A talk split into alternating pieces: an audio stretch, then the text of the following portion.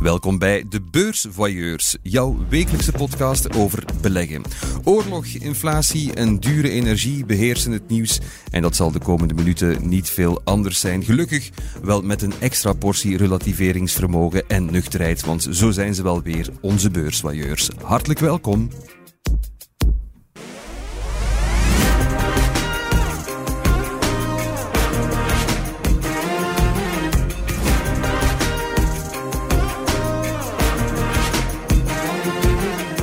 Elke week krijg ik het gezelschap van een bekende belegger en van twee beursvoyeurs. En dat zijn deze week Elle Vermorgen van De Tijd en Gert Bakelands van De Belegger.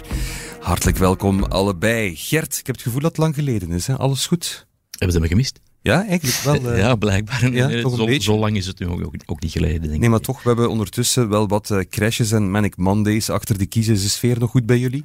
Absoluut, absoluut. Crisis zijn kansen. Altijd geweest, zullen altijd zo zijn. Eeuwige positief. Ellen, met jou, hoe gaat het? Ja, ja, zeer wel eh, considering, hè, Thomas. Het is nog eh, zeer rocky out there, maar eh, voilà, wat Gert zegt, het zijn kansen. We beginnen ook wat mooie kooplijstjes op te stellen bij ons eh, onderling tussen de collega's. Dus, dus dat is gezellig. Je hield het de afgelopen week bij Grote Kuis in het weekboek. Ja, ja, ja, omdat het toch wel eh, heel brute bezems zijn die nu doorheen de markt aan het gaan zijn. Eh, dus ja, naarmate centrale banken de achtervolging op die torenhoge inflatie inzetten, zien we dat alles toch wel eh, heel hard slaag krijgt in alle hoeken van de markt. En dat is toch iets, denk ik, dat veel beleggers in die snelheid nog niet hebben meegemaakt. Dus ja, dat houdt me absoluut wel bezig. Ja. Een grote kuis, dat klinkt ook wel goed. Hè. Dat is ook wel een moment Ja. waarop je een boel dingen weggooit, al dan niet naar het containerpark brengt en zo. Daar zitten wel opportuniteiten. Zeer wel. Ja, ja, ja. Alles eh, heel feng shui maken. Want overal waar lucht in zat, ja, dat gaat er genadeloos uit. En we gaan terug eh, naar eh, meer aardse waarderingen. En eh, daar moeten we allemaal ook onze neus eh, op houden, op die waarderingen. Want zo kunnen we gaan zien wat er nu in de uitverkoop staat en wat nu echt koopjes aan het, aan het worden zijn. Elke week hebben we een bekende belegger in ons midden. En als we de titel van zijn zaalshow mogen geloven binnenkort in ware opstand, welkom Michael van Peel. Dankjewel, Thomas. Heel blij dat je er bent. Het moet ongelooflijk veel deugd doen, neem ik aan, om eindelijk terug zaalshows te kunnen doen. Ja, En dat doe je heel uitvoerig. Je hebt een eh, indrukwekkende speellijst. manisch zou ik zelfs willen zeggen. eh. Maar ja, hij is net afgelopen, want de zomer begint. Dus eh, ik moet hem al terug even in de kast steken. Maar ik herneem hem in september. Dat is wel goed voor mij. Ah ja. En Ja. waarom moet je hem in de kast steken? Omdat in de zomer gaan er niet in een donkere zaal zitten. Hè. Dan gaan de terrasjes doen, festivals. Dus dan sluiten de theaters. Dus ik ben nu net eindelijk drie maanden terug volop aan toeren. En Ah, nu ja. moet ik terug even wachten tot september. Use the farce of the farce, ik weet niet hoe je het moet uitspreken. The farce. The farce. The farce is strong. Ja, de baseline van jouw show, eh, waar ga je je zoal tegen verzetten? Maar eh, tegen alle verzet eigenlijk. Dat is een beetje mijn eh, filosofie. Verzet tegen het verzet. Ja. Oké. Ik, dacht vroeger altijd dat, ik de rebel was. Al ja, daar groeide ze wat bij op. Maar plots merkte dat, eh, dat je in een wereld leeft waar iedereen zich een rebel noemt. Echt overal, van links tot rechts, van politici tot antivaxers, tot wokers, tot, tot Trump-supporters, gilets jaunes, gele hesjes. Iedereen rebelleert. En dan is de vraag, als iedereen rebelleert, tegen wie rebelleert er nog dan? Ja, dus, ja, het wordt absurd. dus het is een, een oproep aan de mainstream om, eh, om ook mee te rebelleren en mee te gaan in de, in de waanzin. Klein beetje gelijk op de beurs, hè. Allee, ja. Als iedereen begint tegelijk tegen de beurs in te gaan, dan creëer je gewoon terug een nieuwe mainstream. Dus er zijn wel wel een paar analogieën te vinden. ja, die visie van hoe je alles economisch bekijkt, dat, dat, zit, dat is nooit ver weg in jouw shows ook. Dat, ehm, dat, dat zit er mee in, in, dat is mee ingegroeid. Of ingestampt door mijn prof eh, macro-economie tweede kan en financieel management van eerste graad handelsingenieur, denk ik. Handelsingenieur gestudeerd, Ja, of toch gedaan. Ja, behaald. behaald. Gestudeerd wel, impliceert ook effectief. Ah ja, ja, je hebt het ook, je hebt het afgerond, je hebt het was diploma. Je, was, er, je was erbij en je Ja. hebt een papier gekregen als bewijs dat, Zo. je, dat je dat kan nu. Zo is het. Ooit, dat ik ooit iets geweten heb. Dat is een Ja. diploma. Ah Ja, en heb je het gevoel dat je het allemaal kwijt bent of zo? Want Eh, ik heb ook vooral het gevoel dat ehm, de overtuiging waarmee destijds eh, economie en financieel management werd gegeven, een klein beetje herzien is geworden de laatste decennia. En ook letterlijk herzien, want dat is super interessant vind ik om te volgen nu. Wij kregen bijvoorbeeld handelsingenieur en toegepaste economische wetenschappen. En vandaag heb je, heb je al een richting zoals SEW, sociaal-economische wetenschappen, waarbij meer psychologie en sociologie wordt gecombineerd met economie, wat veel realistischer is dan enkel die ik weet nog die formules die mijn prof op, de, op het bord schreef van Uh, productiemanagement, ja, als je zoveel moet produceren, dan ontsla je vandaag vier werknemers, morgen neem je er acht aan. Uh, dat was een ja, heel zeer, menselijk allemaal. Heel menselijk, ja. heel abstract. En ook zeker qua macro-economie. Als je toen had verteld, prof, ja, de rente gaat negatief. Dat is, ja, die natuurlijk buiten gesmeten. Hè. Ja. Doe niet aan ozel, dat kan niet. Dat klopt het is niet. nogthans allemaal gebeurd. We hebben het allemaal meegemaakt. En wanneer ben je dan met beleggen begonnen? Toen ik 16 was. Dat is ontzettend jong. Ja, um, dat was de allereerste keer. Ik was vroeger wel altijd gefascineerd door zo, die films, ook Wall Street, Trading Places. Die films waarbij de, de, de beurs een hak wordt gezet of zo. Eigenlijk een klein beetje wat je met het GameStop-verhaal hebt meegemaakt uh, enkele maanden geleden. Toen zo massaal er soort Robin Hoods van buitenaf op de beurs kwamen en de, de zaak hackten. Al ja, dat was dan toch het beeld dat werd opgehangen. Ja. Um, maar ik um, was een heel harde nerd vroeger. Heel hard met computers bezig. Ik bouwde mijn eigen computers, toen nog de 386 wow. DX2, 66 megahertz, turboknop. You lost me at uh, DX, DX. DX. De DX was een 286. Uh, maar... Um, dus ik, ik, wist wel iets van computers. En in uh, 1995 kwam daar uh, Microsoft uh, met Windows 95 aan, gewaaid. wat echt, al ja, het is verfoeid door iedereen, terecht. Maar het was destijds wel een revolutie. En um, goh, het is niet dat ik gekocht heb goed op voorhand, want we wisten allemaal dat dat uitkwam, maar ik had dat vast en ik dacht van, deze is toch... Dit is wel iets nieuws in computerland. Dus toen heb ik uh, Microsoft gekocht en... En ook aandelen van Microsoft gekocht? Ja, niet heel Microsoft, enkel een paar aandelen. Okay. Um, ja. En daar heb, ik heb daar twee stoksplits mee meegemaakt, weet ik nog. Terug naar de originele aankoopprijs. Het was nog een tijd dat internet hadden niet, hè? dus je, je, je, je kocht de FED af en toe, de financiële tijd. En ineens zag ik zo die koers, die al verdubbeld was, teruggehalveerd. Ik wat? Ja. Niemand had mij verteld dat er een stoksplit was. ja, dat het al verdubbeld was. Uh, en de prijs gehalveerd natuurlijk. Maar dat heb ik twee keer gemaakt, dus dat, is, um, dat was een uh, super succesvolle belegging. Ja. Ik heb toen mijn 2000, of nee, mijn 4000 frank terugverdiend, uh, verviervoudigd. Ja. 4000 frank. Ik had echt, ik had, um, ik denk dat ik uh, misschien 8000 heb gelegd van mezelf dat ik toen had en 8000 frank geleend van mijn ouders. Dus ik heb eigenlijk al geleend om te beleggen. Dat is super slecht, moet je nooit doen. Nee, de, de beginnersfout. De grote, wat, 200 euro was dat dan ongeveer. En wat, wat is de, de, beste investering tot nu toe gebleken voor jou? Eigenlijk mijn beste investering, als je ze zo vraagt, was uh, mijn, mijn Vespa. Die ik oh, ja. ooit bij mijn allerlaatste spaarcentrum heb gekocht op Erasmus in Italië voor 325 euro. Weet ik nog goed. Dat was een oude Vespa Primavera ET3 uit 1982. Bloeit mooi, met wat blutsen op, met uh, eh, 12.000 kilometer op de teller. Dat is mijn mooiste investering ooit. Die is niet alleen nu meer dan het tienvoudige waard. Nu zijn die 3500 euro. Maar uh, ik heb er heel die tijd ja, avonturen mee beleefd en, en, van genoten. En de prachtige reizen meegemaakt, waar we reizen meegemaakt, veel dus over gehoord hebben. Ja, de return is priceless eigenlijk. Ja, en dan ook nog eens meer waard. Fantastisch. En ook meer waard. Maar het is ook, hè, tegenwoordig, we spreken over beleggingen, ja, klassieke auto's. Ik, oh, ik, weet nog dat er in mijn tijd aan de unit stond zo'n oude Jaguar E-Type geparkeerd. Dat is zo die, die James Bond E-Type met die lange neus. Ja. En die was toen, weet ik nog, kostte dat 20.000 euro. En ik dacht, het is veel geld en dat haal ik nooit met zo'n mooie auto. Die dingen zijn nu 200.000 euro waard. Hè? Ja. Dus qua beleggingen kun je altijd breder denken dan enkel de beurs en, en afgeleide financiële producten natuurlijk. Interessant dus. Dus als iemand jouw advies komt vragen, zeg jij, koop een Vespa. Of ik ga voor de kanttekening maken. Ik had een Honda Camino. Hè, dat was vroeger zo'n Marina-brommer. Ja, ja. Ik heb dat ding met verlies verkocht. Ja, Dat was dan nog een custom model met een verlengd zadel. Maar ik denk dat ik dat te hard kapot heb gereden. Je had dat dus moeten holden. Ik had dat moeten hodelen met mijn leven en ja? niet moeten wegdoen. En dan had ik nu naar hier kunnen chaffelen met mijn tweetakbrommer. En die was dan de coolste van de hoop geweest. Hey, ja. Ja. Hey. ja, ja, ja. Maar die zijn geld waard. Ja, die is dat Camino's. Ja, nee, is de revival. Dat is te vroeg verkocht. aan een habbekrat. Ik denk zelfs weggegeven aan, aan een vriendin of zoiets. Dat ding, dat sputterde langs alle kanten. Ja, nee, dus uh, voilà, good job dan. Uh. Ik vind het wonderlijk hoe we plots bij Honda Camino's zijn beland. Ja. Uh, maar we zitten op het goede spoor, dat is zeker zo. Ik ben heel blij dat je er bent. Hartelijk welkom, Michael van Peel. De beursblik. In de beursblik komen we te weten wat onze beursvoyeurs graag rond de tafel eens willen bespreken met ons. Wat is er precies aan het handje? Ik hoor het heel graag van jullie en begin met plezier met het nieuws van Ellen. Jawel, ja. Ik heb uh, meegebracht voor jullie deze week een uh, mooie kapitaalronde. Je zou denken, de kapitaalmarkten liggen op hun gat aan de huidige uh, beurstumult, maar dat is niet zo. Mitra heeft maandag een kapitaalronde aangekondigd. Ze hebben 23,5 miljoen bijgetankt via nieuwe aandelen. En voor mij is dat een superbelangrijke opsteker voor de koers, want het was daar kommer en kwel de laatste tijd. We hebben het er vorige week nog over gehad. De, ja, het beleggerssentiment was erg negatief mhm. geworden mm -hmm. rond Mitra, omdat het daar niet echt uh, Project Runway is, maar Project Cash Runway.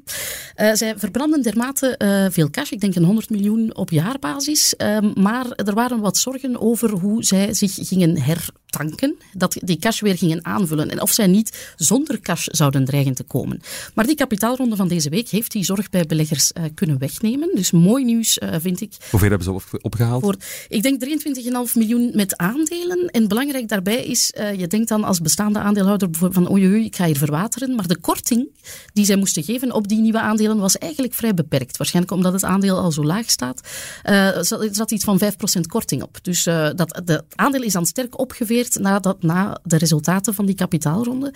En ik denk dat dat zo'n beetje het signaal is of het vertrouwen dat, dat beleggers wilden. Uh, dat er ja, toch aardig wat cash is bijgetankt. Er komt ook een obligatielening bovenop van een 100 miljoen. Mm -hmm. en, converteerbaar, hè? Converteerbaar, ja, ja dat wel. Wat betekent converteerbaar? Wel, dat je die, die obligatiehouders hebben het recht om dat te converteren, om te zetten in aandelen. En dan krijg je natuurlijk een serieuze verwatering, omdat er meer aandelen uh, in, in, ja, in omloop zijn. Dus de winst, de toekomstige winst, hopelijk, ja, die meer moet verdeeld worden over meer aandelen. En dat, ja... Uh, ja.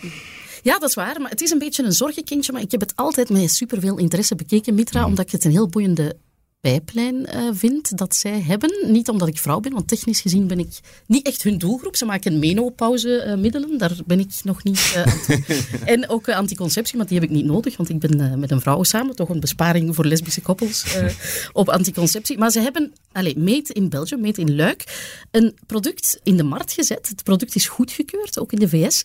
Estelle, dat heet nu Nextellis. Ik snap niet dat ze die mooie naam Estelle hebben gevireerd, maar bon.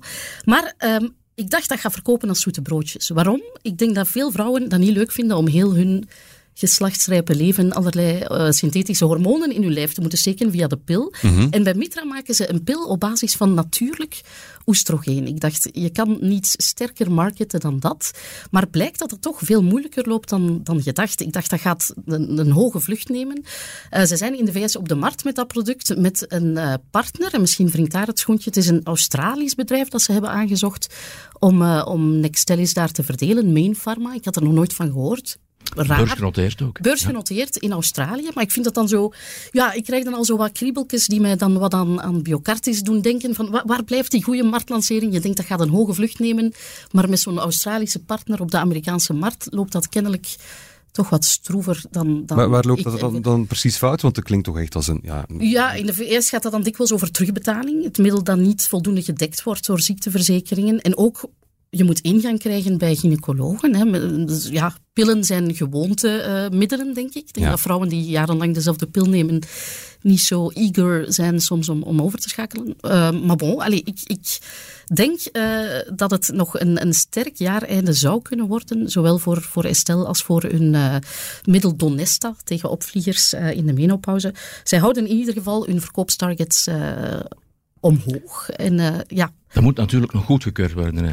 Donesta, wel, ja. Maar in de tweede jaarhelft wordt daar toch een, een, een deal verwacht, ook een commerciële inflow. En dat zou alleen al 300 miljoen in het bedrijf kunnen uh, binnenbrengen, is, de, is de raming, mits. Hè, mits ja. Jij houdt een slag om de arm. Ik ben toch een beetje terug uh, met wat meer liefdevolle ogen richting, richting Mitra aan het kijken. Nee, nee, maar de onderzoeksresultaten zijn positief. Ja. Maar we hebben natuurlijk in, in heel die biotech-verhalen ook al heel positieve verhalen gezien, die dan toch uiteindelijk moeilijk Zeker. aflopen en slecht aflopen. En het blijft een beetje een blackbox waar je als belegger toch niet, niet echt veel voeling mee hebt. En het is, het is binair, hè.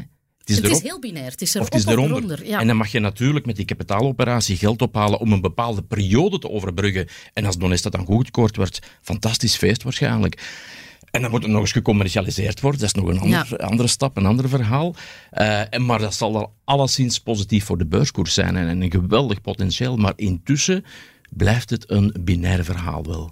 Ja, ja, absoluut. Maar Mitra is eigenlijk, mensen vergeten dat soms denk ik toch al in een commerciële fase. Hè. Ja, voor mij aan 7 euro nu, uh, denk ik, ik vond het heel, heel, heel erg uh, teruggevallen. Vandaar was ik uh, blij voor hen in de eerste plaats. dat ja. zij, met ik denk ook wel dat het vertrouwen schept dat zo allee, belangrijke investeerders, zoals ook Mark Koeken bijvoorbeeld, ja. zijn, zijn ingestapt. Ik denk dat dat ook wel vertrouwen kan wekken bij, ja, bij de kleine belegger, om het zo maar te zeggen. Er, er is nog meer gebeurd daar ook, hè? Want met, met, met de CEO, hoe heet de man ook weer? Ja, Fornieri? Fornieri heette die. Uh, die was CEO. Die is dan een beetje in een, uh, ja, een, wat ja, zorgelijke toestand uh, via de achterdeur moeten vertrekken, omdat er een aantal onderzoeken naar hem lopen. Enerzijds ja. een, een voorkennisonderzoek, handel met voorkennis, en dan nog een onderzoek rond een Waalse intercommunale in zijn betrokkenheid daar. ik denk altijd dat beleggers liever een CEO met een Lada zien rijden dan, dan met een Ferrari, bij wijze van spreken. En Fornieri was een Ferrari. Mensen vonden hem op den duur, denk ik, net iets te, te protserig, te patserig. Maar is nog altijd, nog altijd aandeelhouder? Hij is nog aandeelhouder, maar hij is geen bestuurder meer. Ook dat nieuws is deze week gevallen, dat hij ook uit het bestuur uh, zich terugtreedt. Dus eigenlijk heeft hij nu ja, hij is nog aandeelhouder. Ik denk voor een kwart van de aandelen is een grote aandeelhouder. Ja, dat heeft toch, wat betekent dat dan allemaal? Ja, hij heeft natuurlijk achter de schermen nog een, een vierde van het bedrijf in handen, maar hij heeft geen uitvoerende uh, macht meer bij, bij Mitra. Dat is nu een nieuwe man die daar de plak zwaait. Die heet Leon van Rompuy. Dat is ook een oud gediende in biopharma. Uh, en die man is net nu bij die kapitaalronde in het kapitaal uh, gedoken. En dat is wat beleggers ook graag zien. Dat een CEO mee in het kapitaal zit. Hè, dat geeft toch altijd een sterker beeld dan dat je daar gewoon als manager zit. Uh, hij zit nu mee, uh, hij heeft zijn eigen centen uh, mee op tafel gelegd. We gaan het rijtje af. Michael, wat heb jij meegebracht? Wat, wat, wat vragen eigenlijk, wat, wat epibredingen. We zitten nu, zeker op de beurs en de, in de berenmarkt, terug op een kantelpunt waarin de jaren van gratis geld achter ons liggen. de jaren van, uh, van nulrente, bijna zelfs hypotheekrentes die, die flirten met de nul uh, hier en daar. Waarbij dat we heel mijn cursuseconomie van vroeger in vraag hebben gesteld. Want eh, die wetten klopten eigenlijk niet meer in theorie. Er zijn overheden die negatief hebben kunnen lenen. Als je dat volgens de wetten van de homo economicus zou toetsen, dan moet je daar onmiddellijk oneindig lenen. Tuurlijk, want je hebt negatieve rente, dus je krijgt meer terug dan dat je erin stopt. Is niet gebeurd. Uh, er is wel massaal, uh, de schulden zijn wel massaal herschikt, alle chance. Hebben we ook in België gebruik gemaakt van die periode van heel lage rente om terug uh, onze schuld lange termijn te herschikken, zodat we er iets beter naartoe kijken op de toekomst. Maar ik vraag me af hoe we gaan terugkijken op die periode die we nu aan het afsluiten zijn. Ik had een paar jaar geleden ook een column geschreven over de periode van quantitative easing voor de Europese Centrale Bank, de Verenigde Staten ook en Japan al veel langer. We leefden in heel experimentele tijden waarin mensen stonden te roepen van dit gaat misgaan. We zijn geld aan het bijdrukken, dus we gaan hyperinflatie krijgen, alles gaat ineenstorten. Dat is niet gebeurd. Voor mij zijn dat allemaal zaken die zo een beetje illustreren dat, dat heel dat economisch systeem, ik ga niet zeggen fictief is, maar dat dat toch niet zo puur wetenschappelijk is als destijds aan mijn generatie werd uitgelegd. Mm en nu zien we dat we terug de oude uh, formules gebruiken, of de Europese Centrale Bank, namelijk een uh, renteverhoging om de inflatie tegen te gaan. Hebben we daar niks nieuws geleerd die afgelopen jaren, of, of andere manieren om dit te benaderen?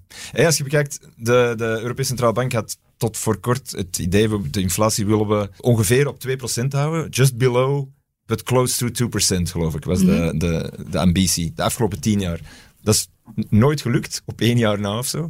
En nu proberen we opnieuw die inflatie terug monetair, ah ja, lijkt mij, denk ik, correct me if I'm wrong, hè, natuurlijk, te bestrijden, terug met die oude maatregelen van vroeger. En dan stel ik me de vraag, gaat dat lukken dit keer? Het heeft in het verleden ook niet echt gelukt. Ja. Hoeveel impact heeft een Europese Centrale Bank, of de Centrale Bank nog op dit soort inflatie? Ik zie jou al uh, grijnzen, Gert. Uh, Nee, nee, helemaal niet. Bijzonder betoog hoor ik hier.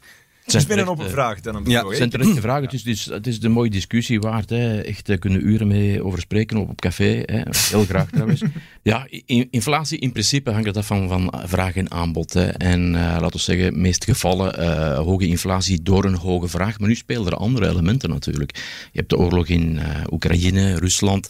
Je hebt daar nog altijd coronagevallen in China, waardoor er eigenlijk eh, nog weinig buiten komt eh, uit China. Dus dat zorgt allemaal voor een logistiek dat problemen komt en, en dat zorgt voor die inflatie, hogere prijzen. Maar ik heb nu wel de indruk van, van centrale bankiers, ja, je zou dus kunnen zeggen van oké, okay, verhoog de rente, gaat dat de inflatie stoppen? Ja, het gaat zeker de oorlog in Oekraïne niet stoppen. Of het gaat ook de problemen in China niet oplossen. Heel die logistiek doet er niks aan. Wat er wel gaat aandoen, door, de, door het geld terug um, duur te maken, is dat wel degelijk op de vraag zal wegen. En ik heb zo'n klein beetje de indruk dat die centrale bankiers, zowel bij ons in Europa als in de Verenigde Staten, het durven te riskeren, een recessie durven te riskeren, gewoon om die inflatie naar beneden te brengen. Omdat mm nu zo... In, ja, het, het, is belangrijk... Het volk mort, hè. Mm koopkracht dat daalt. En, en ze willen het volk geruststellen, hè. Ze willen geen opstand, hè. Dus we gaan er iets aan doen. We gaan die inflatie naar beneden brengen. Maar natuurlijk, het, je hebt vraag, maar je hebt ook aanbod. En, en beide spelen natuurlijk. Dus ik vrees persoonlijk dat de inflatie toch nog wel net iets langer zal aanhouden dan men denkt snel even op te lossen. Met, met heel die QT is het nu. Het is geen QE, maar QT. Uh -huh. Dus uh, quantitative tightening. Maar anderzijds merken toch ook wel uh, de economie, de reële impact. Uh, handelaren die klagen, opnieuw ook bij ons in de dorpstraat, bij wijze van spreken. Uh, het gaat economisch moeilijker. En als je dan bijvoorbeeld kijkt naar een koperprijs, men zegt wel eens, zegt wel eens Dr. Copper. Waarom? Ja, koper is, is voor heel veel industrieën belangrijk. En dan zie je dat de koperprijs op het laagste niveau is teruggevallen in meer dan één jaar. Dus die impact op die reële economie is er al wel degelijk aan het komen. Maar met als ja, uh, schaalgeval een, een recessie. Ja. Het is, het is, uh... Wat op zich bizar is, wat een heel grote oorzaak van die, dat tekort is, zit toch nog altijd in de, in de chain, in de delivery chain. In, de, Absoluut. in dat just-in-time management waar wij ook zijn mee opgegroeid, wat nu ook niet zo'n heel top idee bleek in een extreem geglobaliseerde mm. wereld. Dus er moet maar één dingetje, één boot even misgaan en, uh, en een pandemietje uitbreken en alles ja. hangt in de touw. En dat hangt precies nog altijd in de touw. Ja, Elektronica, chipslevering... Dus ergens is het bizar dat... De... Het is aan beter wat dat betreft. Maar ja, goed, je hebt ook die, die lagere vraag. Maar het is wel effectief zo dat een hele kleine verandering in zowel aanbod als vraag mm -hmm. tot een gigantische impact op die prijs kan leiden. Ja. Want dat vind ik ook super interessant momenteel in, met die extreem lage rentes. Omdat je zo dicht bij de marge uh, kleeft. En je, leert, of je leeft in absolute cijfers. Elke verhoging is een enorme relatieve verhoging natuurlijk. Als je zegt van, van uh, ja. ja, want nominaal zit je nog nergens. Nominaal Klopt. staan de rentes nog altijd extreem laag. Ja. En ik denk als jij je afvraagt, Michael, hoe gaan we in retrospect terugkijken op de monetaire pagina die we nu aan het uh -huh. omdraaien zijn, dan denk ik het goede nieuws is misschien, wat Gert zegt, die inflatie is terug helemaal de focus van de centrale banken. En dat is ook het mandaat dat die centrale banken hebben. Dat is het het waarborgen van prijsstabiliteit. Wat je net zei, Michael, dichtbij of 2% inflatie is wenselijk, is een gezond uh, inflatiepeil om, voor een economie om te groeien. En dat de focus nu daarop ligt, is eigenlijk goed nieuws, want die was in het verleden zoek geraakt. We zijn naar centrale banken gaan kijken als de brandblusser van alles. Van alle mogelijke onheil. Hè. Er was, uh, ja, we verwachten van hen dat ze de economie uh, blij houden, dat ze de munten blij houden, dat ze de markten blij houden, dat ze de belegger blij houden. Ja, dat was gewoon allemaal een beetje uh, te veel. Er was te veel wildgroei. Terug naar de, het kernmandaat lijkt mij nu iets wat we nu gaan krijgen. Terug echt inflatie als hoofdfocus.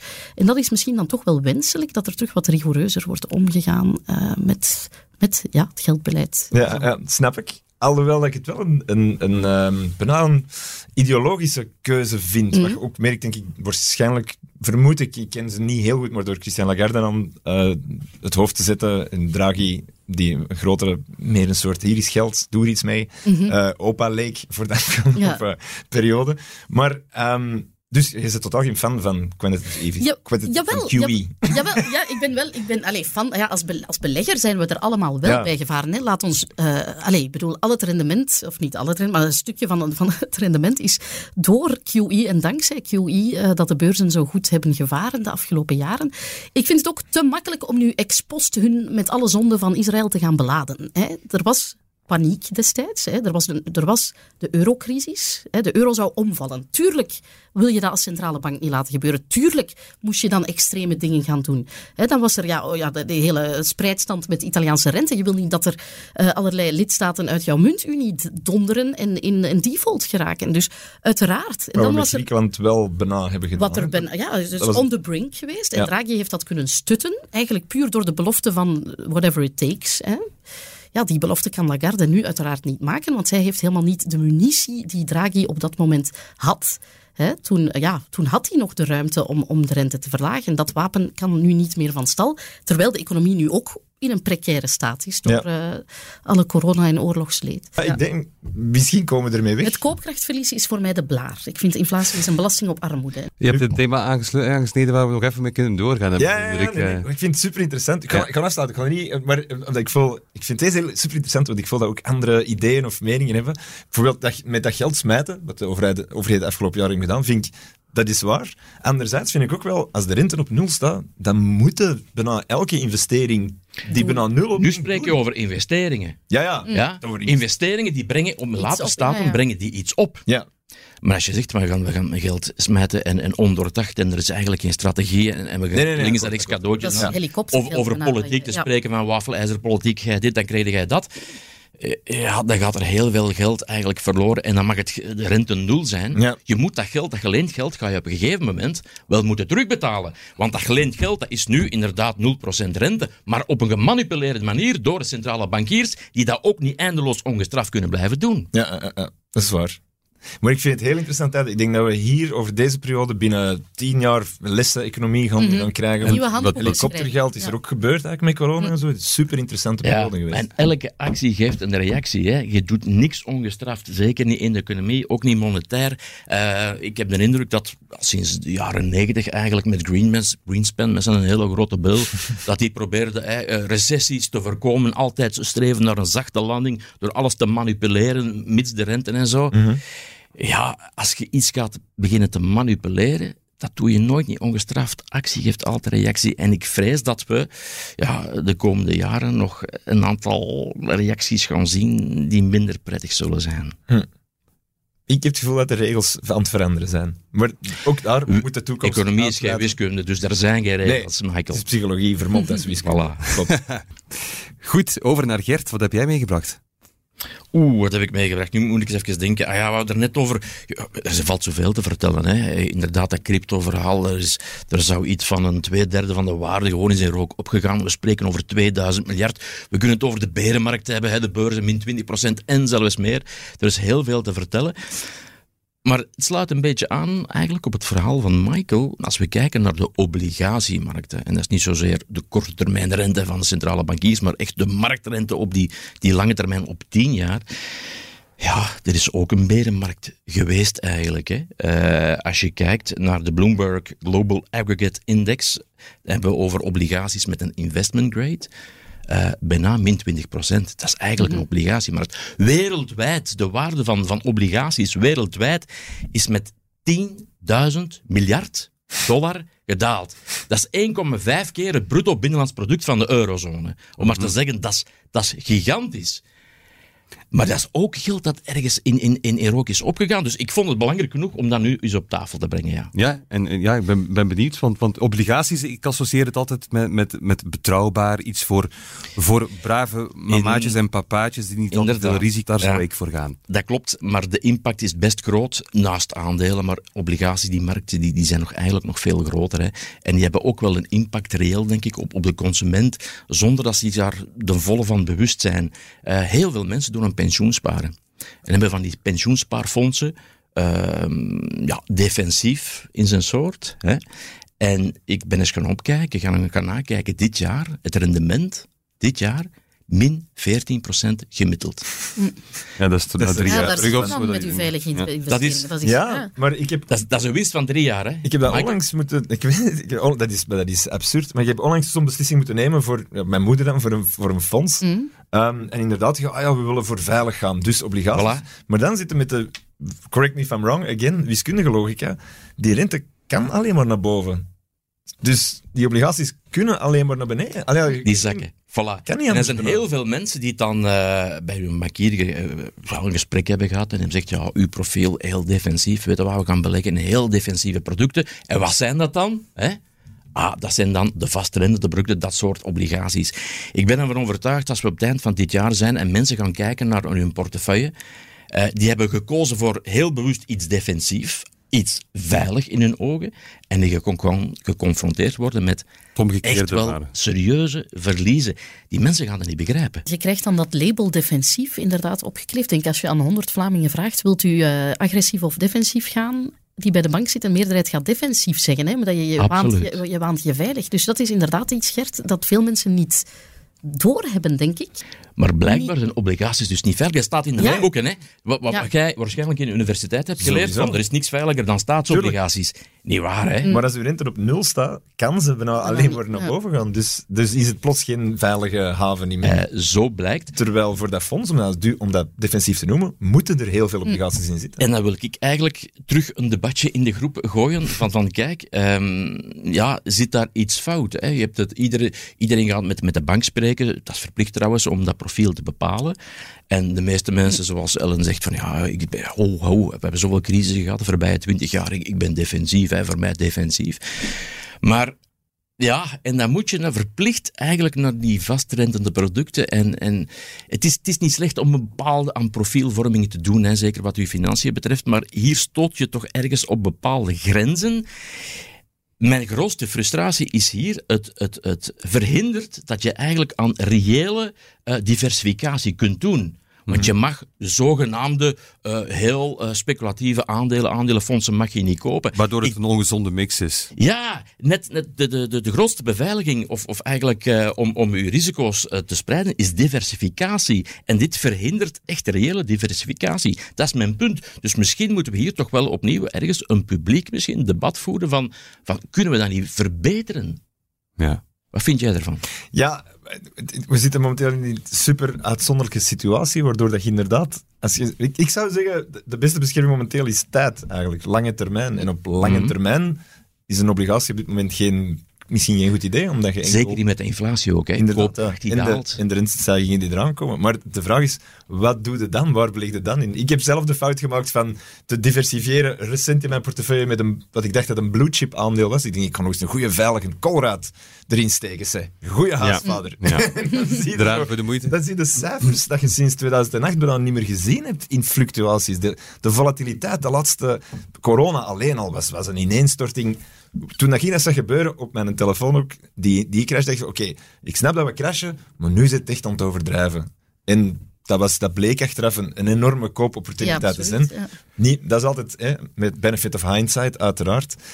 Deze crash is, in mijn gevoel, maar dat is echt puur gevoel, toch iets anders. Jazeker en vast. Um, omdat de omstandigheden anders zijn. Maar inderdaad, als je geen obligaties neemt, ja, koop een Vespa dan, zou ik zeggen. een Jaguar. Mm. Maar ja, die, daar mogen de lage emissies al niet meer mee binnen. Dus er is... Wat is er inderdaad nog zeker? Ja, ik geef je volledig gelijk. Zelfs geld niet, hè? want zit het op een bankrekening en je verliest ook. Hebben we het laagste punt gezien? Ik vrees ervoor. Ik denk dat we echt nog wel een stukje lager kunnen. Uh, ik heb ook die glazen bol niet, vandaar het, het eeuwige advies van spreiden in de tijd om dat op te vangen. Uh, maar ook dit zal kansen brengen. Absoluut. Maar dan moet je wel met u als paarderbelegger eigenlijk de mogelijkheden hebben om het te kunnen en te willen doen. Mm. Bij uw bankier, broker, ja. noem maar op. De recessie komt eraan, ont, onthoud ik. Dat is weer echt een vrolijke noot om mee af te sluiten. maar genoeg gebeuzeld. Het is tijd om eens een luisteraar te helpen. Haal die handjes maar al uit de mouwen.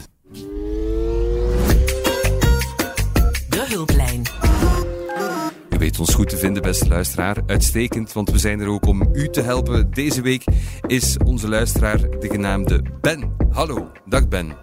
Alles goed? Alles goed, dag Thomas. Uitstekend. Hartelijk welkom Ben, ik ben benieuwd wat jouw vraag is. Um, het is een beetje een typische Belgische vraag, uh, denk ik. Dus um, sinds jonge leeftijd heb ik zeer zeker al interesse in, in beurs en beleggen. Uh, maar natuurlijk heb je daarvoor kapitaal nodig. En op zeer jonge leeftijd had ik dat niet. Uh, maar ik wist dat ik er snel moest bij zijn. Dus wat heb ik wel gedaan op zeer jonge leeftijd? Dat is het typisch Belgische verhaal van ik ga naar de bank, ik leen geld, ik koop mijn huis en ik begin aan dat vastgoed. Mm -hmm. En we zijn vandaag twintig jaar later. Uh, ik ben ondertussen uh, al meermaals verhuisd door het beter te verkopen dan iets nieuw te kopen en zo verder. Mm -hmm. um, ik ben bijna ja, schuldenvrij na twintig jaar ondertussen ook. Maar nu ja, is de vraag, ook met het huidige beursklimaat, op de langere termijn, ja, ik ben een beetje in twijfel. Is het dan toch niet beter om gewoon verder fysiek vastgoed te gaan doen? Of toch meer te gaan beleggen met de centen die, die vrijkomen. Ja. Op langere termijn. Meer dan ooit een heel relevante vraag na alles wat we tot nu toe al gezegd hebben in deze aflevering van de podcast. Ellen? Wel ja, um, ik ga even eerst uh, de accolade maken dat, de, dat je met een beursvan spreekt hier, Ben. Dus ik ga denk ik uh, het beurspleidooi voeren. Hoewel, het is dikwijls een wedloopje en vastgoed komt er dikwijls wel beter uit. Als je kijkt naar, naar rendement. Er zijn een aantal mm -hmm. studies uh, rondgevoerd. Ik weet niet meer welk beurshuis het was, maar wel, waar wel de beurs eigenlijk het pleit won, omdat je ja, het rendement bij een vastgoedinvestering zit uh, ja, in je huurinkomsten en indirect ook in de potentiële meerwaarde. Uh, maar je hebt natuurlijk veel meer gedoe ik zal maar zeggen, je moet, als je een verkoop moet doen, je zit met notariskosten. Je kan dat niet in één muisklik doen, zoals je dat met aandelen of zo zou, zou kunnen doen. En puur op rendement, over een periode van 15 jaar, was de beurs in een gespreide portefeuille uh, ongeveer 5,4 procent uh, per jaar rendement en het vastgoed dan uh, 4,9 of zoiets. Het leunde relatief dicht bij elkaar aan. Is, is, dat recent? Het is een studie van ja. 21. Okay. Het is een studie van 21. Wat ik nu vooral een beetje heb met vastgoed is, ik zie alles rondom mij corrigeren. Alles wat los en vast zit, corrigeert. Behalve de huizenmarkt. En ik ja. heb het gevoel, er komen wat flasjes in mijn vizier dat dat nog staat te gebeuren. Uh, Amerika is daar misschien een voorlopende indicator, waar hypotheekrentes nu dermate hoog zijn geworden. Ik denk op 30 jaar betaal je zo'n 6% op een lening van 30 jaar. Okay. Betaal je 6% uh, hypotheek. Ja, dat, dat zijn dingen die wel vraagvernietigend uh, kunnen gaan werken. Dat is al aan het gebeuren. Er worden heel veel minder verkoopsovereenkomsten getekend in de VS. En dat gaat zich laten voelen op de prijzen. Als dat ook in in Europa komt. Nu staan hypotheekrentes nog relatief gunstig. Maar ja, bon, uh, dat is ook eindig, weten we allemaal. Uh, dus ik heb, ik heb het gevoel dat vastgoed, nu niet dat ik er Big Short gewijs uh, mega Michael Burry op zou gaan. Sorry, ja, dat, dat, ik mee... Allee, maar, Wat wil je zeggen, Ellen? Sorry, ja. Nee, in de tijd is er, is er enorm veel geld verdiend met een short op die huizenmarkt. In 2008 was dat. Je had dan heel die subprime-crisis herverpakte hypotheekproducten. Die weer bleven in allerlei stapels stapeltjes gelegd worden en dan herverpakt in financiële producten. Dat is allemaal gekelderd. Um, ik zie dat niet per se zich herhalen, maar ik denk toch uh, ja, dat de superrendementen die er geweest zijn voor vastgoed in de afgelopen jaren, dat die misschien eventjes in het koelvak gaan zitten in de komende jaren. Denk je dat ook, Gert? Ik, ik vrees het wel, ja. Er zit zo'n kronkel in ons hoofd zo dat, dat, dat we denken dat huizenprijzen alleen maar kunnen stijgen. Maar waarom, waarom is dat kunnen? Uh, vroeger, als je geld ging lenen, betaalde je 11, 12 procent. Zal altijd maar beginnen te zalen. En hoe lager die rente, hoe meer geld je kan lenen. We dan als Belg met onze baksteen in de maag, hoe meer geld dat we gaan uitgeven. Dus dat geeft echt wel een boost aan, aan die huizenprijzen. Maar nu zitten we in een situatie ja, dat eigenlijk alles tegen zit. Er bestaat zoiets als een affordability index, of dat je een huis kan permitteren. Het hangt van drie elementen af. Uiteraard van de, de prijs van de huizen. Die zijn inderdaad keihog. Het hangt echt van, van uw rentevoet. En de rente zit in de lift. Dus je kan echt niet meer hetzelfde geld lenen uh, nu dan, dan pakweg twaalf maanden geleden. Dat gaat niet meer. En dan is er uiteraard nog eens de koopkracht. Mensen hebben geen centen. Ze, ze klagen al om, om hun ja, elektriciteitsfactuur te kunnen betalen. Dus om maar te zeggen... Maar de huizenmarkt, en dat is misschien een voordeel, is een heel trage markt aandelenmarkt is een heel snelle mm -hmm. markt. Hè. Er is trouwens ook vastgoed op de beurs, uh, waar al serieuze correcties zijn gebeurd, uh, afhankelijk van het, van het segment. Dat gebeurt bijna instant, heel snel, onmiddellijk, geeft ook sneller kansen natuurlijk. Maar de fysieke huizenmarkt, omdat er ook nog wat investeerders en zo in zitten, verschillende uh, elementen die spelen. Ik, ik geloof echt niet dat we na de komende jaren florerende huizen, huizenprijzen zullen zien. Ik vrees erger, dat, dat leunt een beetje aan wat, wat, wat Ellen zegt. Uh, het risico dat die prijzen gaan dalen. Want je mag niet vergeten, de wereldwijze huizenmarkt die is veel groter dan de aandelenmarkt. Die is veel groter dan de obligatiemarkt. Dus als daar het naar beneden gaat, de impact op het vertrouwen, het consumentenvertrouwen, mensen die zich wat minder rijk voelen, zich wat uh, ja, minder geld gaan spenderen omdat ze zich wat, wat onzeker voelen. Hm. Ik, ik vrees dat daar zelfs een, een, ja, een reëel gevaar ligt voor, voor de economie ook. Ehm, maar natuurlijk, eh, als je een paar miljoen hebt in het kader van diversificatie, eh, ik zou je zeggen van, van koop een appartementje of twee bij. Ah ja, voilà. Maar, maar, maar het zou, het zou, jammer, het zou ja. jammer zijn dat je inderdaad keihard gespaard, keihard gewerkt en je hebt, ik zeg maar iets, hè, 300, 400.000 euro gespaard, knap, hè, chapeau, potverdorie. Maar je hebt je eigen huis en dan zou je nog wat zouden doen. Ah ja, het geld brengt niet op. Aandelen, oeh, daar heb ik chic van. Obligaties, dat zit niet goed. Weet je wat? Ik koop, ik koop een extra woning. Ja, je moet een huurder vinden, dat zal misschien nu nog wel lukken, maar eh, eh, met al die miserie inderdaad, je kunt... eh, en morgen zegt de regering, die hebben geld nodig, en nu gaan we die huurinkomsten ook nog eens belasten. Zijn. Voilà, je zult maar net dat appartement gekocht hebben. En van spreiding, nul. Liquiditeit, nul. Hè. Aandelen, vastgoedaandelen op de beurs, je koopt ze vandaag, heb je dat geld nodig, een minuut later zijn ze verkocht. Met het huis dat je gekocht hebt, uh, niet hè. Dus ik zou er voorzichtig mee zijn. Ja. Zeker nu, in deze fase, met alles wat je ziet, die, die, die rode knipperlichten, ze zijn er, Ellen, absoluut. Michael, wat denk jij? Mag ik toch nog de Het knuppel, laatste, het laatste woord. de knuppel in het hoenderhok gooien? Hoeveel staat de hypotheekrente nu? 2% ongeveer? Eh, eh, dat was al zal- even geleden al, Het denk zal ik. al iets hoger staan. Ik- Ja. Gemiddeld in Europa, ja, of in België, ik, ik, ik zou richting 3% op een lange 3 termijn. goed. indeed. Maar als we echt mikken op een langdurende inflatie momenteel, is het het moment om snel schulden te maken. Hè? Ja, dan kan je natuurlijk het pleidooi Ah, ja. maken voor, voor leningen. Rap snel dit- schulden maken om 3% vast en dan inflatie 6%. Sailing, Op, eh, op heel lange sailing. termijn wel, maar first things first. Ja? Echt wel. Eh, je ziet nu ook op, net op dit moment, als je naar, naar nieuwbouw gaat kijken, eh, hoge prijzen van materialen bijvoorbeeld, komt er ook nog eens op.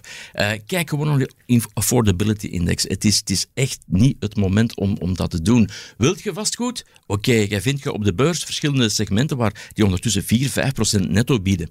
Ja, ja, ja, akkoord. Eh, maar gewoon, maar gewoon de rekening. Je koopt een huis, aan- tegen welke prijs kun je die verhuren? Ja? En, en je inkomsten zet dat af ten opzichte van uw, eh, uw investeringsprijs, inclusief kosten van notarissen en noem maar op. Ik denk niet dat je aan 3% koopt. Ik, ik even checken of Ben er gewoon nog hangt, voor de zekerheid. Eh, Ben, ben je Ja, er ja nog? ik, ik, ben, ik ben zeer geïnteresseerd aan het luisteren. Dat is heel goed. Kan er een sluitend Ja. antwoord aan onze luisteraar gegeven worden? Want het is een interessante vraag. Goh, wat laatste is de slotsom? Ik denk, ja, vastgoed is een slimme belegging, is een verzekering voor de oude dag. Maar ik zou op dit moment, als je nu eh, je geld veil hebt en wilt besteden, dan zou ik eerder periodiek gespreid in de tijd naar de beurs kijken. Maar dat is gewoon de aard van het beestje. Beetje voelen wat jouw ding is, maar vermijden dat je toch op het hoogtepunt van die vastgoedmarkt eh, een zotte, zotte aankoop eh, gaat doen. Ben, wat ga je doen? Ik ga mijn notaristijd en mijn huurderszoekentijd investeren, denk ik, in het eh, zoeken van opportuniteiten op de beurs. Ik denk dat dat, Zeer wel. dat Alle de succes. conclusie is. Ja. Super. Fantastisch. Bedankt voor jouw fijne Bedankt. vraag en eh, fijne dag nog. Dag Ben. Dag Oké, Ben. Ciao. dag.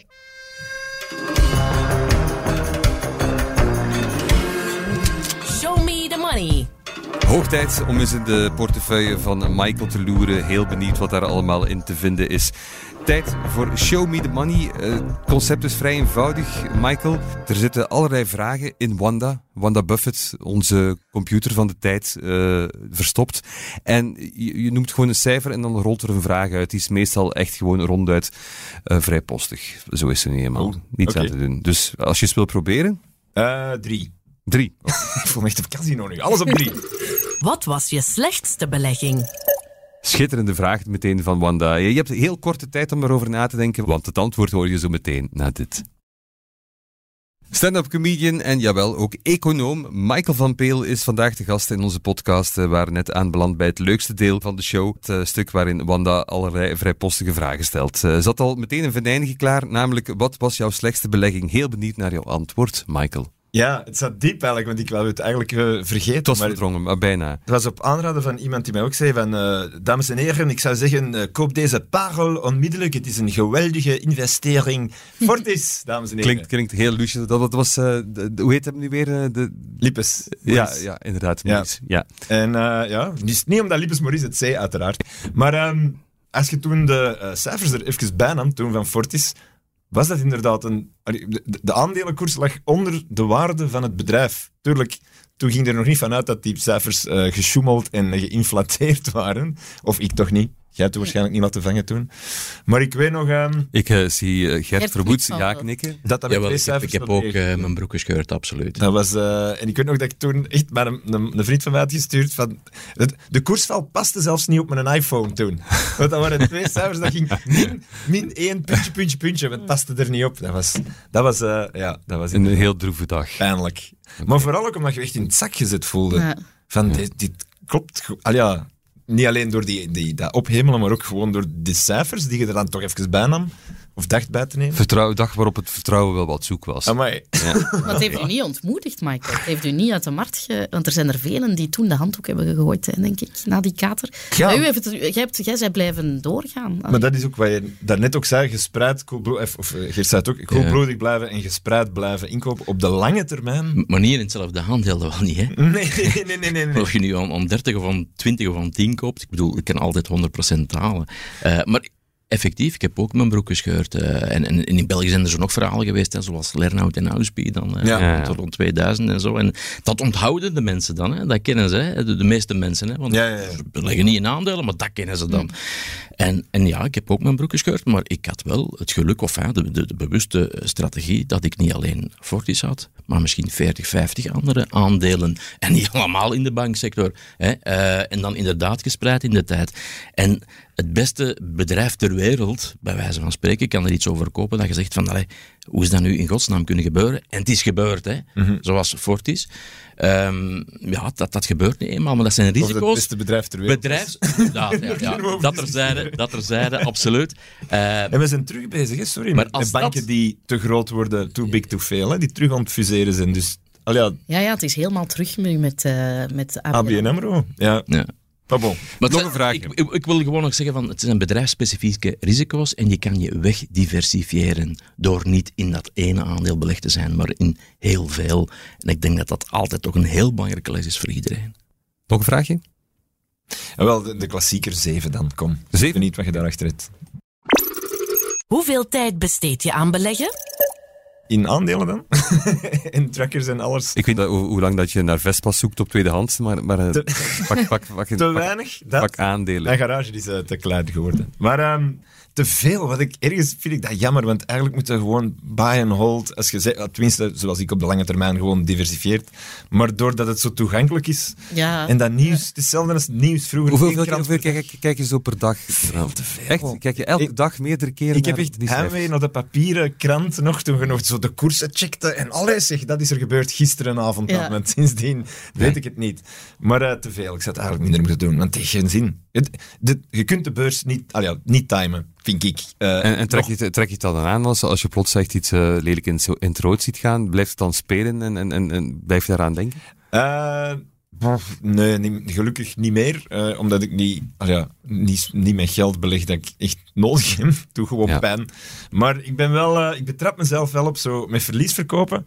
Daar heb ik het heel moeilijk mee. Ja. Ik, ik buy de dip, ik koop bij. Wat de afgelopen jaren een goede strategie was. Maar nu, wederom, weet ik het niet. Ja, ja, nee. Ik durf eh, soms wel eens kutten, maar ik herken me heel erg in wat jij zegt, omdat het... ehm, ja, het is zo verrijd. Die, die brokers, dat werkt zo snel. Ik zit daar echt vier, vijf keer op een dag. Dat ik denk, allee, want dat is wars van... Allee, dat is tegen de regels. Een goede belegger moet niet met zijn portefeuille bezig zijn. Die kan daar gerust een keer in het jaar of per kwartaal een keer naar piepen.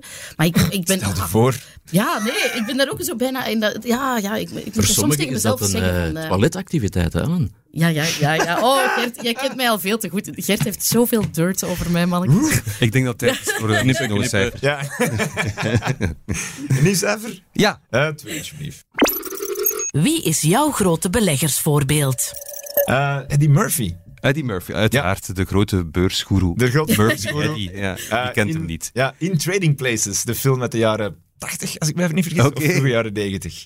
Ehm, omwille van het feit dat die... ehm, ja, ik vond een heel interessante film, omdat je er ook leert dat, eh, dat de beurs eigenlijk... ehm, je leert er twee dingen, vind ik, aan die film. Het, het gaat over ehm, twee rijke, oude eh, beursmannen die eh, een jonge executive vervangen door een dakloze als weddenschap. Eigenlijk. Het is een hele brute film. Die dakloze is dan Eddie Murphy. Ja. Maar het leert twee dingen. Het leert ten eerste, ehm, dat is een waarheid ook, dat de beurs em- emotie is ook voor een groot deel.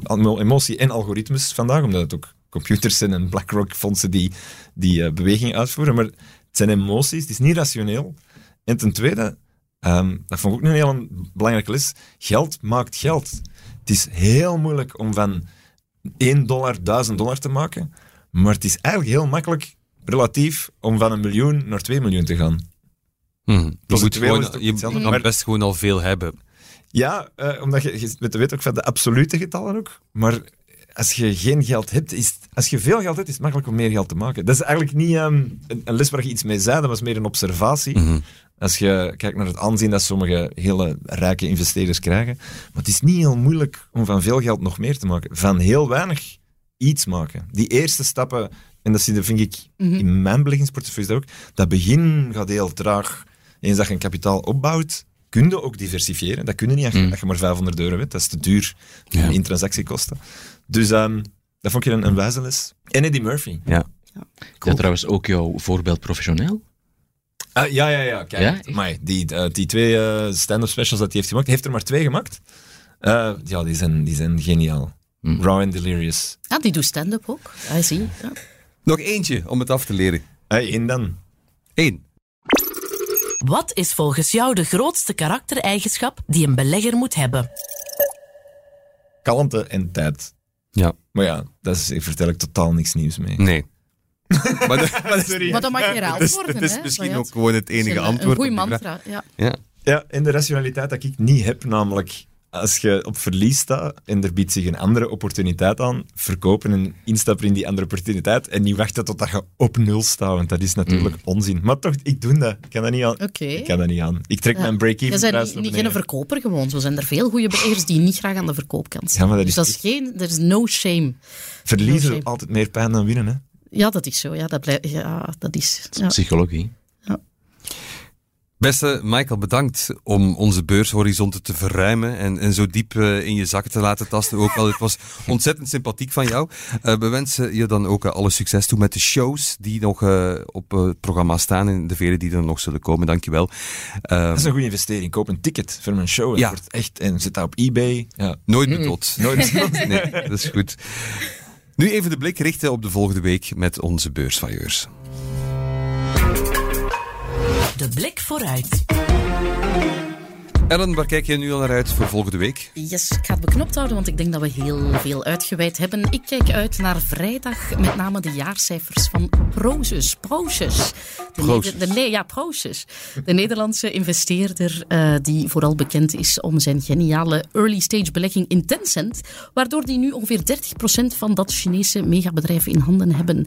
Door zeer zwaar weer gaat de koers. Ik ben benieuwd om kleine groene scheuten te zien in hun jaarrapport en te hopen dat er bre- betere tijden aanbreken voor Proces. Dus ja, dat, eh, daar ga ik naar kijken. Oké. Gert? Ja, eerlijk gezegd, ik kijk nog niet te veel uit. Het is, het is echt wel alle hens aan dek bij ons. We hebben nog twee weken voor ons zomerreces. Eh, dus we moeten nog wat zomerspecials maken, zodat ook onze klanten ook in de zomer iets te lezen hebben. En met onze strategie en vooruitblik naar eh, de tweede jaarhelft toe. Dus er is nog heel veel werk op de plank. Dus, eh, en dan kijk ik vooral toch wel uit naar de vakantie toch een beetje. Ja. Dat kan ik mij voorstellen. Jij, Michael? Zon, man. Goed weer, terras. Ja, ja. Ja. Vind Ik kan toch eens niet checken. Ik kan even de koersen niet checken deze zomer. I'll come back in... eh, In september, Ja, come hè? back in september. Remember to mooi come back voor, in, eh, mooi voornemen. Een beetje minder de koers checken dan ook. Yes. Uitstekend. Goed, dit was het dan. Ik bedank onze beursvailleurs van dienst Gert Baaklands, Ellen Vermorgen, onze luisteraar Ben en natuurlijk onze bekende vailleur Michael van Peel. Volgende week zijn we er weer met onze trouwe beursvailleurs, onze laatste samenkomst van dit seizoen. Uiteraard met heel wat fijne verhalen en een bekende beursvailleur die nog niet te veel kwijt wou, behalve dit. Hallo, beursvailleurs? Ja, zeg, ik kijk er enorm naar uit om af te komen naar de studio. Volgende week mijn theorie een te delen met jullie experts, want ja, ik denk heel veel na over de beurs. Het is allemaal miserie nu, maar ik had dat voorspeld, hè. Ja, wie, wie ben ik? Jullie kunnen mij misschien kennen van mijn kunstwerken. Sommigen zeggen dat dat choqueert, de ene zegt dit, de ander zegt dat. Ik trek het mij allemaal niet aan. Het is gewoon hoe je het ziet en hoe dat je ermee omgaat. Juist met de beurs.